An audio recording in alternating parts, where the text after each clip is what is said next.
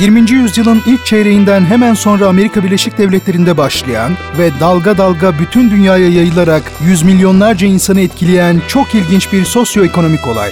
Büyük bunalım olarak adlandırılan devasa bir ekonomik kriz. Bu krizi tetikleyen faktörler nelerdi? Gelişmeler nasıl başladı? Neler yaşandı? İnsanlar hangi sıkıntılarla karşı karşıya kaldılar ve nihayet büyük bunalım ne vakit nasıl sona erdi? Tüm bu soruların cevaplarını Geçmiş Zaman Olur ki'nin yeni bölümünde bulabilirsiniz. Geçmiş Zaman Olur ki 1929 Ekonomik Bunalımı bölümü Pazartesi 21'de Samsun'un Gerçek Radyosu'nda.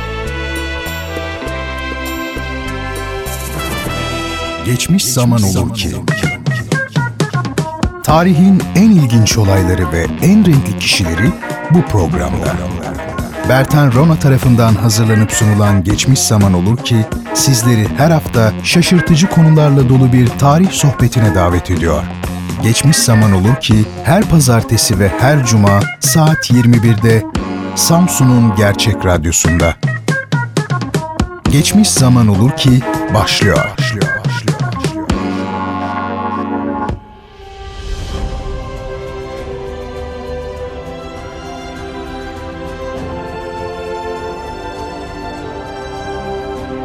İyi akşamlar sevgili dinleyiciler. Tarihte yaşamış ilginç kişileri ve yaşanmış önemli olayları ele aldığımız Geçmiş Zaman Olur Ki programına hoş geldiniz, sefalar getirdiniz. Bendeniz Geçmiş Zaman Olur Ki sizler için hazırlayıp sunan Bertan Rona. Efendim programı her hafta pazartesi ve cuma akşamları saat 21'de Radyo Gerçek'te dinleyebilirsiniz. Böylelikle dünyanın ve ülkemizin yoğun gündeminden hiç olmazsa pazartesi ve cuma akşamları bir müddet uzaklaşmış, tarihin renkli sayfalarını çevirirken bendenize eşlik etmiş olursunuz. Efendim bu akşamki konumuz 20. yüzyılın ilk çeyreğinden hemen sonra Amerika Birleşik Devletleri'nde başlayan ve dalga dalga bütün dünyaya yayılarak yüz milyonlarca insanı etkileyen 1929 ekonomik krizi. Bir başka tabiriyle büyük bunalım. Bu bunalımı tetikleyen faktörler nelerdi? Gelişmeler nasıl başladı, neler yaşandı, İnsanlar hangi sıkıntılarla karşı karşıya kaldılar ve nihayet büyük bunalım ne vakit nasıl sona erdi? İşte tüm bu soruların cevabını birlikte arayacağız. Sizler de hazırsanız artık başlayabiliriz. Efendim ister sanayileşmiş ülkeler isterse gelişmekte olan ülkeler olsun, dünyadaki bütün ülkeleri etkisi altına alan, Birleşik Devletler'de başlayan ve yayılan büyük bunalım tarihe Kara Perşembe olarak geçen 24 Ekim 1929'da başladı. Gerçi Wall Street borsası uzun zamandır üzerindeki satış baskısının tedirginliğini yaşıyordu ama o günün sonunda yaşanacakları hiç kimse tahmin edemezdi. Avrupa fonlarını kendine çeken Bank of England'ın iskonto oranlarını yükseltmesi Wall Street'te satış dalgasının başlamasına neden olmuş 23 Ekim 1929 çarşamba günü 2,5 milyon hisse senedi satılmıştı. Fakat bu bir gün sonra başlayacak asıl felaketin yanında buzdağının yalnızca görünen kısmıydı. Kara Perşembe adı verilen o günde tam 13 milyon hisse senedi satıldı. Bankalar umutsuz bir biçimde düşen piyasayı toparlamak için fiyatları desteklemeye çalıştılar ama boşa kürek çekmekten farklı olmadığını anladıklarından pazartesi günü vazgeçmek zorunda kaldılar. Salı günü satılan hisse sayısı 16 milyona ulaşırken fiyatlar çılgın bir biçimde düşmeye devam etti. Yalnızca 22 gün içinde sanayi endeksindeki düşüş %40'ı buldu. Yatırımcıların bir hafta içinde yitirdikleri para miktarı bugünün değerlerine göre neredeyse 300 milyar dolara yakındı. Dünya tarihinin o güne kadar gördüğü en büyük ekonomik kriz kısa süre sonra neredeyse bütün dünya ülkelerini avucunun içine alacaktı. Bank of England'ın iskonto oranlarını yükseltmesi 1929 krizinin yalnızca tetiğini çekmişti. Borsada beklentiler satın alınır, gerçekler satılır denilen bir deyim vardır. Amerikalı yatırımcılar da tam olarak bunu yapmıştı. Beklentileri satın almışlardı. Değer endeksleri 1929 yılı öncesindeki 4 yılda tam 4 kat artmış, yalnızca 1929 yazında 2 kat yükselmişti. 1928 yılı başında 191 olan Dow Jones endeksi 1929 Eylül ayına gelindiğinde 382'ye ulaşmıştı bile. Efendim peki 1929 dünya ekonomik krizinin nedenleri neydi? Spekülatif gelirlerdeki bu yükseliş ülkenin reel zenginlikleriyle uyuşmamaktaydı. Hisse senetlerinin sürekli yükseleceği beklentisi piyasaya egemen olduğundan borsa simsarları, bankalar, iş yerleri ve binlerce kişi spekülatörlere borçlanıp borsaya yatırım yapmıştı. Ve bu borçlar her an ödenmesi talep edilebilecek türden borçlardı. Kredi ile alınan hisse senedi miktarı öylesine artmıştı ki 1928 yılında 5 milyon dolar olan bu miktar 1929 ekonomik krizinin başladığı Ekim ayında yüzlerce kat artarak 850 milyon dolara ulaşmıştı. 1929 yılı anketlerine göre Wall Street'teki 1,5 milyon yatırımcının 600 bini kredi ile alım yapmış Çoğu spekülatör hisse senedi alabilmek için Amerika Birleşik Devletleri doları üzerinden %10'a varan yüksek faizlerle borçlanmıştı. Wall Street adeta patlamaya hazır bir balon gibiydi. Kredi verenler bu geçici zenginlikten paylarını alan borçluların ödeme yapması için fiyatların daha da yükselmesini bekliyordu. Fakat güven kaybı nedeniyle borçluların ödeme gücünden bir an için kuşkuya düşünce acil ödeme talebinde bulundular. Borçlular ödeme yapabilmek için ellerindeki kağıtları hemen satmak zorundaydılar ve öyle yaptılar zaten. Buna Bank of England'ın iskonto oranlarını yükseltmesi nedeniyle başlayan satışlar eklenince arz talep sarmalı bir anda patlayıverdi. Aşırı satışlar nedeniyle fiyatlar daha da düşünce değer kaybeden hisse senetlerini bir an önce elinden çıkarmak isteyenler yüzünden başlayan panik dalgası bütün Wall Street'i kapladı. Wall Street'in çöküşü hisse senedi fiyatlarının yıllardır abartılı olduğunun sonucu olduğu kadar hisse senedi sahiplerini ve hissedarları saran paniğin de sonucuydu. Amerikalı ekonomist John Galbraith bu dönemi çılgın ve dizginsiz bir satış furyası ve kör ve acımasız bir panik olarak yorumlamaktadır. Oysa 1929 krizinin yapısal nedenleri çok daha derindeydi ve bu yüzden Amerika'da başlayan ekonomik bunalım kısa sürede diğer dünya ülkelerine sıçrayıverdi. Yaklaşık 55 yıllık uzun bir gelişme trendini 10 yıl süreyle gerilemeye ve duraklamaya dönüştüren, etkisi 2. Dünya Savaşı'na kadar hissedilecek olan 1929 ekonomik krizinin nedenleri maddeler halinde şöyle özetlenebilir. Kötü yapılanmış bankalar nedeniyle zaten zayıf ve spekülatif olan kredi yapısının Wall Street'teki çöküş nedeniyle yıkılması uygulanan yanlış para politikaları ve devletin piyasaya müdahale etmemesi, tarım ürünlerine olan talebin inelastik oluşu yüzünden çiftçinin gittikçe azalan satın alma gücü, teknolojik işsizliğin giderek artması, kötü ve gittikçe kötüleşen gelir dağılımı, bütün bu nedenlerin etkisi altında tamamen alt üst olan sermaye birikimi yatırımlardaki düşüşün ulusal gelirde düşmeyi de beraberinde getirmesi ve nihayet yatırım harcamalarındaki ufak bir düşüşün çarpan etkisiyle ulusal gelirde çok daha şiddetli bir azalmayı ortaya çıkarması. Sevgili dinleyicilerim 1920'li yıllar Amerika Birleşik Devletleri'nin ekonomik üstünlüğünü tüm dünyaya kabul ettirdiği yıllardı kükreyen 20'ler olarak da adlandırılan o yıllardaki kükreme yalnızca hızla büyüyen Amerikan ekonomisini değil, radikal bir biçimde değişen yaşam biçimlerini de anlatıyordu. Amerika Birleşik Devletleri'nin sonsuz refah ve zenginliğe kavuşan ilk ülke olduğuna inanılıyor. Hat safhada bireycilik üzerine yükselen ve tüketim çılgınlığı ile öne çıkan bir yaşam tarzı Amerika'ya egemen oluyordu. 1920'lerde dünya sanayi üretiminin neredeyse %45'ini gerçekleştiren Amerika, kapitalist dünyanın yeni patronu olduğunu, 1925 ve 1929 yılları arasında diğer ülkelere verdiği büyük borçlarla ki yalnızca Avrupa'ya 2.9 milyar dolar borç verilmişti, kanıtlamış oluyordu. Bu sayede 1920'ler boyunca Avrupa'da sanayi üretimi düzenli bir şekilde arttı. Fakat bu büyüme özellikle kömür, gemi yapımı ve çelik sanayileri alanında yaşanıyordu.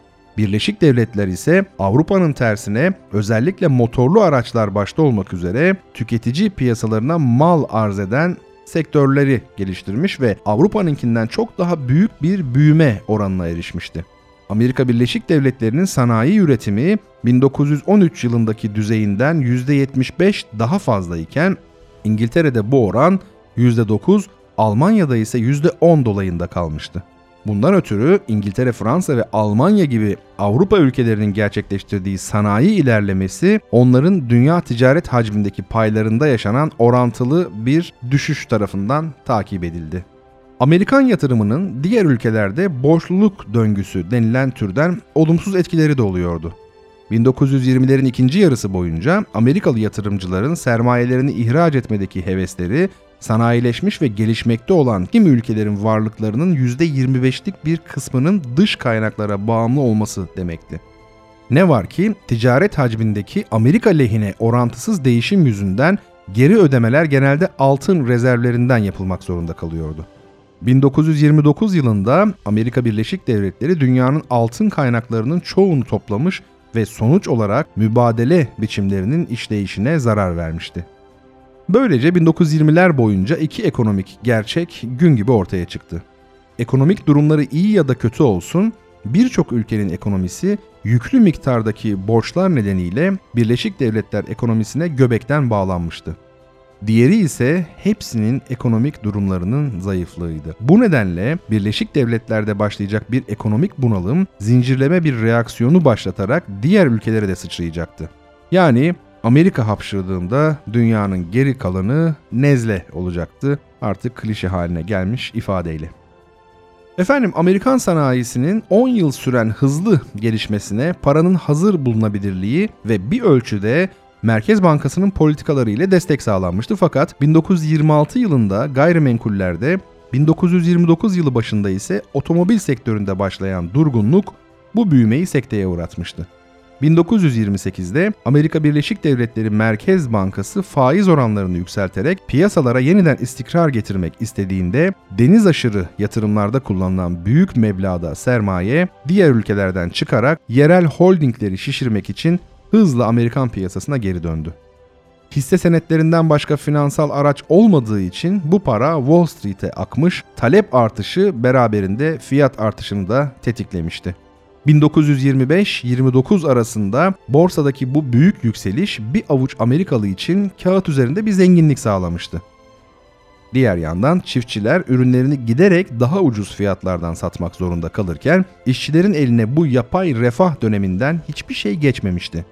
1929 yılında Amerika'da nüfusun %5'lik dilimi toplam gelirin %33'ünü elde ediyordu.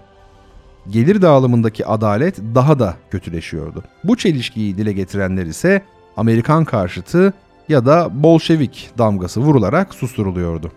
Ekonomik büyüme sürdüğü sürece diğer ülkelerden Amerika'ya dönen paranın yarattığı spekülasyon aslında ekonomik durumu sarsmayabilirdi. Ne var ki 1929 Temmuz'unda üretim tepe noktasına ulaşmıştı.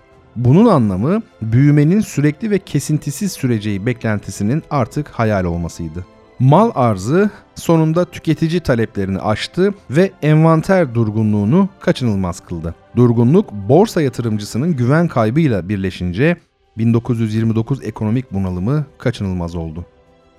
Sevgili dinleyicilerim 1929 ekonomik bunalımının diğer önemli nedeni ise çok kötü biçimde yapılanmış olan devletin müdahalede bulunmadığı mali piyasalar, özelde de bankalardı. Bunun nedeni 1920'li yılların temel ekonomi anlayışı olan bırakınız yapsınlar, bırakınız gitsinler, bırakınız geçsinler politikasıydı görünmez bir elin piyasayı düzelteceği düşüncesi geçerliliğini koruduğundan devletin ekonomi üzerindeki etkisinin olabildiğince az olmasına çalışılıyordu. Gerçekten de ard arda seçilen Harding, College ve Hoover yönetimleri devletin tüm olanaklarını şirketlerin emrine verirken piyasa denetim mekanizmalarından yoksundu. Neredeyse her gün iki banka batmasına karşın ne Merkez Bankası ne de Amerika Birleşik Devletleri Başkanı piyasaya müdahale etmeye ya da denetim mekanizması oluşturmaya cesaret edemiyordu. Bankaların sermaye esaslarını, rezerv ve kredi oranlarını düzenleyen yasaların eksikliği nedeniyle yatırımcılar hisselerini aldıkları firmalar hakkında hiçbir bilgiye sahip değildiler. Ticari bankaları yatırım bankalarından ayıran yasalar yoktu. Verilen kredilerin büyük miktarı hisse senediyle teminat altına alındığı için hisse senetlerinde başlayan düşüşler kredileri de olumsuz etkilemişti. Bu ise piyasaya duyulan güvenin azalmasını hızlandırmıştı. Böyle bir ortamda İnsanların panik halinde bankalara hücumu da krizin derinleşmesinin nedeni olmuştu. Başkan Hoover piyasalara müdahale etmeye karar verdiğinde ise çoktan iş işten geçmişti. Efendim John Kenneth Galbraith'ın yorumuna bir bakalım.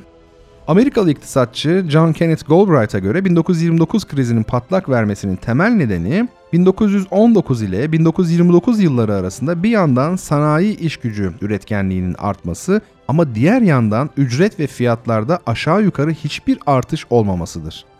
Bunun sonucunda geliri yüksek sınıfların harcamalarını destekleyen, borsa spekülasyonunu besleyen ve yatırım harcamalarını teşvik eden bir kar oranı artışı ortaya çıkmıştır.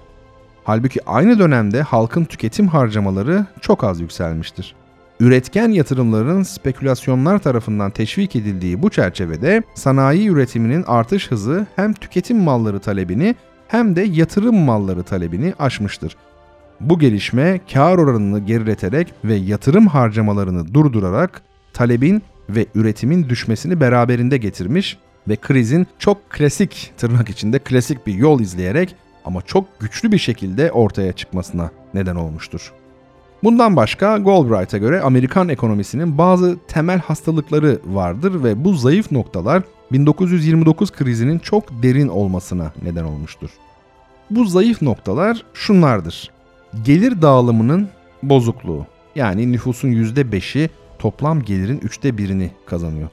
Bu eşitsizlik ekonomiyi yüksek yatırım harcamalarına ve lüks tüketime bağımlı kılıyordu. Spekülatif bir konjonktürde holdingler ve sermaye şirketlerinde oluşan bir sanayi yapısının egemen olmasının getirdiği olumsuz sonuçlar. Holdingler yeterli miktarda temettü dağıtabilmek için kendi gruplarındaki şirketlerin karlarını yatırımlara yöneltmemişlerdi. Bu olgu deflasyonist döngüyü daha da artırıyordu. Deflasyonu durdurmak için New Deal'dan önce uygulanan ekonomi politikalarının anlamsızlığı yani yüksek gümrük tarifeleri, bütçe denkleştirme çabaları, parasal politikaların uygulanması vesaire bu politikalar işleri daha da kötüleştirme eğilimi taşıyordu. Efendim peki büyük bunalımın bütün dünyayı etkileyen bu büyük bunalımın ekonomik sonuçları ne oldu? Burası da önemli. Gelin şimdi bir de ona bakalım. Krizin etkileri tabii ki görülmemiş bir boyutta oldu. 1929 yılında 103 milyar dolar olan Amerika Birleşik Devletleri'nin gayri safi ulusal geliri 1930'a gelindiğinde neredeyse yarı yarıya azalarak 55 milyar dolara gerilemiş. 1935 yılında dünya ticaret hacmi 1928 yılının %40'ına kadar düşmüştü. Batan spekülatörlerin banka hesaplarına yönelmesi ve bankaların onların taleplerini karşılayamaması yüzünden diğer mevduat sahiplerinin de endişelenerek paralarını çekmek istemesi birçok bankanın ve mali kurumun iflası ile sonuçlandı. 1929'da 600, 1930'da 1300, 1931 yılında ise 2300 mali kuruluş iflasını açıklamak zorunda kaldı. Tabi reel sektör de bu furyadan payına düşen bedeli ödemek zorundaydı. 1929'da 22 bin, 1930'da 26 bin ve 1931 yılında 28 bin işletme kepenk indirmek zorunda kaldı. 1932 yılında Amerika Birleşik Devletleri'nde trafiğe çıkan otomobil sayısı 1929'dakinin ancak dörtte biri kadardı. Bunalımın ilk kurbanı olan spekülatörlerin yaşadığı paniğin ötesinde işsiz kalanların yaşadığı dram da aslında üzerinde durulması gereken e, bir husus. 1932'de Almanya'da faal nüfusun %17.2'si, Amerika Birleşik Devletleri'nde %23.5'i, İngiltere'de %13.1'i işsiz kalmıştı.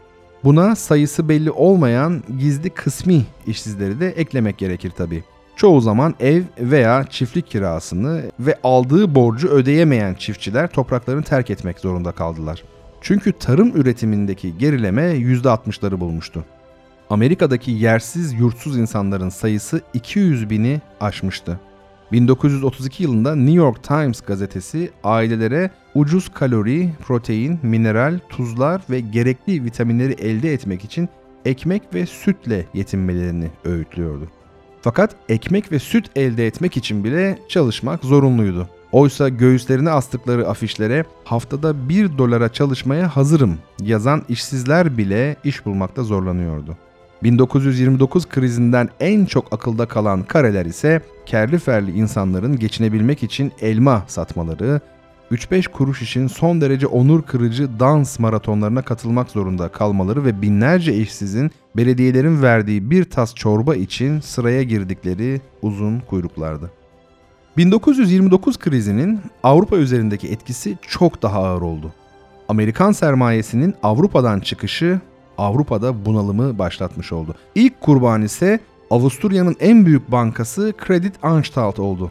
Ani güven krizi Avrupa'nın dış borç kaynaklarının neredeyse tamamını kuruttu ve yerel kayıpları telafi etmek için Amerika'ya yapılan daha fazla yatırım çağrısı ile sonuçlandı.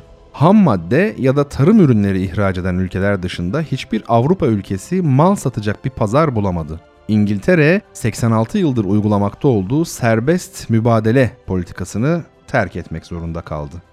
Daha kaygı vereni ise ekonomik liberalizmin çöküşünü, siyasi liberalizmin çöküşünü de beraberinde getirmesi ve Avrupa'nın çoğunun diktatörlüğe doğru yönelmesi oldu. Daha geniş bir perspektiften bakıldığında yaşananlar 1922'de Mussolini'yi İtalya'da iktidara getiren süreçle neredeyse aynıydı. Sınai ve tarımsal krizde istikrarsızlaşan sınıflar parlamenter demokrasilerin hantal işleyişine karşı tepkilerini ortaya koyan aşırı uç partileri desteklemeye başladılar. Bu sonuçta yıkılan tarımsal çıkarlar Balkanlarda sağcı rejimleri güçlendirirken orta sınıfların ılımlı partilerden uzaklaşması Almanya'da Hitler'in iktidara gelişiyle sonuçlandı. Böylece 1929 ekonomik krizi 2. Dünya Savaşı'nın nedenleri arasında en üst sıraya yükseldi. Yayılan bunalım fiyatları %66'ya kadar gerilettiği zaman Güney ve Doğu Avrupa'nın temel üreticileri de çöktüler ve dış ticaret ile iç tüketici piyasaları da yıkıldı. 1932 itibariyle Avrupa'da sadece iki ülke diğerlerine göre bunalıma karşı daha dayanıklı gibi görünüyordu. Biri Birleşik Devletler dışında en büyük altın rezervlerine sahip olan Fransa, diğeri ise Stalin'in ekonomi politikaları ile uluslararası ekonomik sistemden yalıtılan Sovyetler Birliği'ydi. Sevgili dinleyicilerim, şimdi Türkiye'den bahsedeceğiz. Bakalım Türkiye nasıl etkilenmiş? 1929 ekonomik bunalımı tabii çok geçmeden Türkiye'yi de etkisi altına aldı. Türkiye'ye giren yabancı sermaye miktarı son derece düşük olduğundan bu etkilenme daha çok dış ticaret alanında kendini gösterdi. Türk lirasının değerinin düşmesiyle başlayan ilk somut belirtiyi ihraç mallarının fiyatlarındaki düşüş takip etti.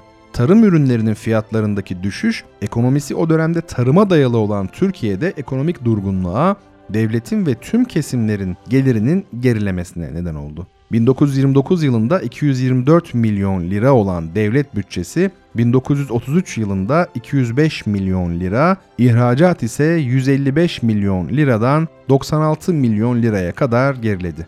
Bunalımla birlikte Türkiye ekonomisinde devletçilik uygulamasının alanları çok çok daha genişledi.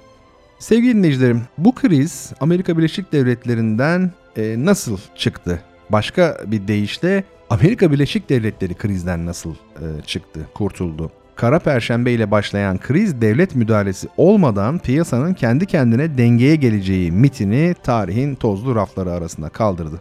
150 yıldır süre gelen bırakınız yapsınlar zihniyetinin yerini Keynesçi politikalar aldı. John Maynard Keynes'in en büyük destekçisi yeni seçilen Amerikan Başkanı Franklin Roosevelt'ti. Roosevelt, Amerika'nın krizden çıkışı için New Deal yani yeni düzen adı altında devletin piyasaya müdahale etmesini savunan ve devlete daha çok rol veren bir Keynesçi politikanın benimsenmesi gerektiğini ilan etti.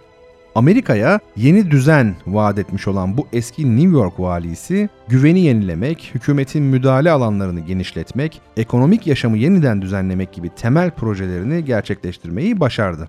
Bankaların geçici olarak kapanması, ekonomik hayata yön verenlerin yükünü hafifletmeyi hedefleyen programların uygulamaya konulması, sanayide planlamanın başlatılması, kendi iyimserliğini başkalarına da aşılamayı bilen ve radyo konuşmalarıyla ülkeye yeni bir soluk kazandıran bu başkanın aldığı ilk önlemlerdi. Roosevelt, Tennessee Vadisi'nin değerlendirilmesi, tarım, sanayi ve işçiler yararına uygulamalar gibi önemli çalışmalar ortaya koydu. Fakat yine de 1935 yılından itibaren iyimserlik ortamı sona ermeye başladı. Çünkü ekonomik çöküntü durmamıştı ve bunalımın sonuçları hala hissediliyordu. 1938 yılında Amerika Birleşik Devletleri'nde 10 milyon işsiz vardı ve toplumsal ağırlıklı yasalar çıkarılmasından endişelenen muhafazakarlar Komünistler ve hükümetin bazı kararlarını geçersiz sayan yüksek mahkeme saldırılarını yoğunlaştırdı. 1936 yılında kolayca yeniden seçilmesine ve ekonomide müdahaleci politikasını sürdürmesine rağmen Roosevelt bunalıma tam olarak son veremedi. 1929 krizinin etkilerini sona erdirecek, ülke ekonomisinin yeniden kurulmasını sağlayacak olan İkinci Dünya Savaşı'ydı. Keynesçi iktisat kuramı krizden sonraki 40 yıl boyunca ülkelerin temel ekonomik programını oluşturdu. Amerika Birleşik Devletleri seçmeni de Roosevelt'ı 4 kez seçilen tek Amerikan başkanı yaparak ödüllendirdi. Evet sevgili dinleyicilerim, bir geçmiş zaman olur ki programının daha sonuna geldik. Bu bölümde sizlere 20. yüzyılın en önemli gelişmelerinden biri olan 1929 ekonomik krizini, namı diğer büyük bunalımı anlatmaya çalıştım. Serenti.org sitesindeki Yavuz Selim imzalı yazıdan yararlanarak anlatmaya çalıştım. Ve böylelikle az önce de söylediğim gibi programımızın sonuna gelmiş olduk. Efendim bendeniz Bertan Rona. Geçmiş zaman olur ki sizler için hazırlayıp sunuyorum. Programımı her hafta pazartesi ve cuma akşamları saat 21'de Radyo Gerçek'te dinleyebilirsiniz. Merak uyandıran, insanı hayrete düşüren ve şaşkınlığa sevk eden hadiseler ile insanları bendenizden dinlemek, tanımak isterseniz pazartesi ve cuma akşamları saat 21'de Radyo Gerçek'te olun efendim. Tekrar görüşene dek esen kalın.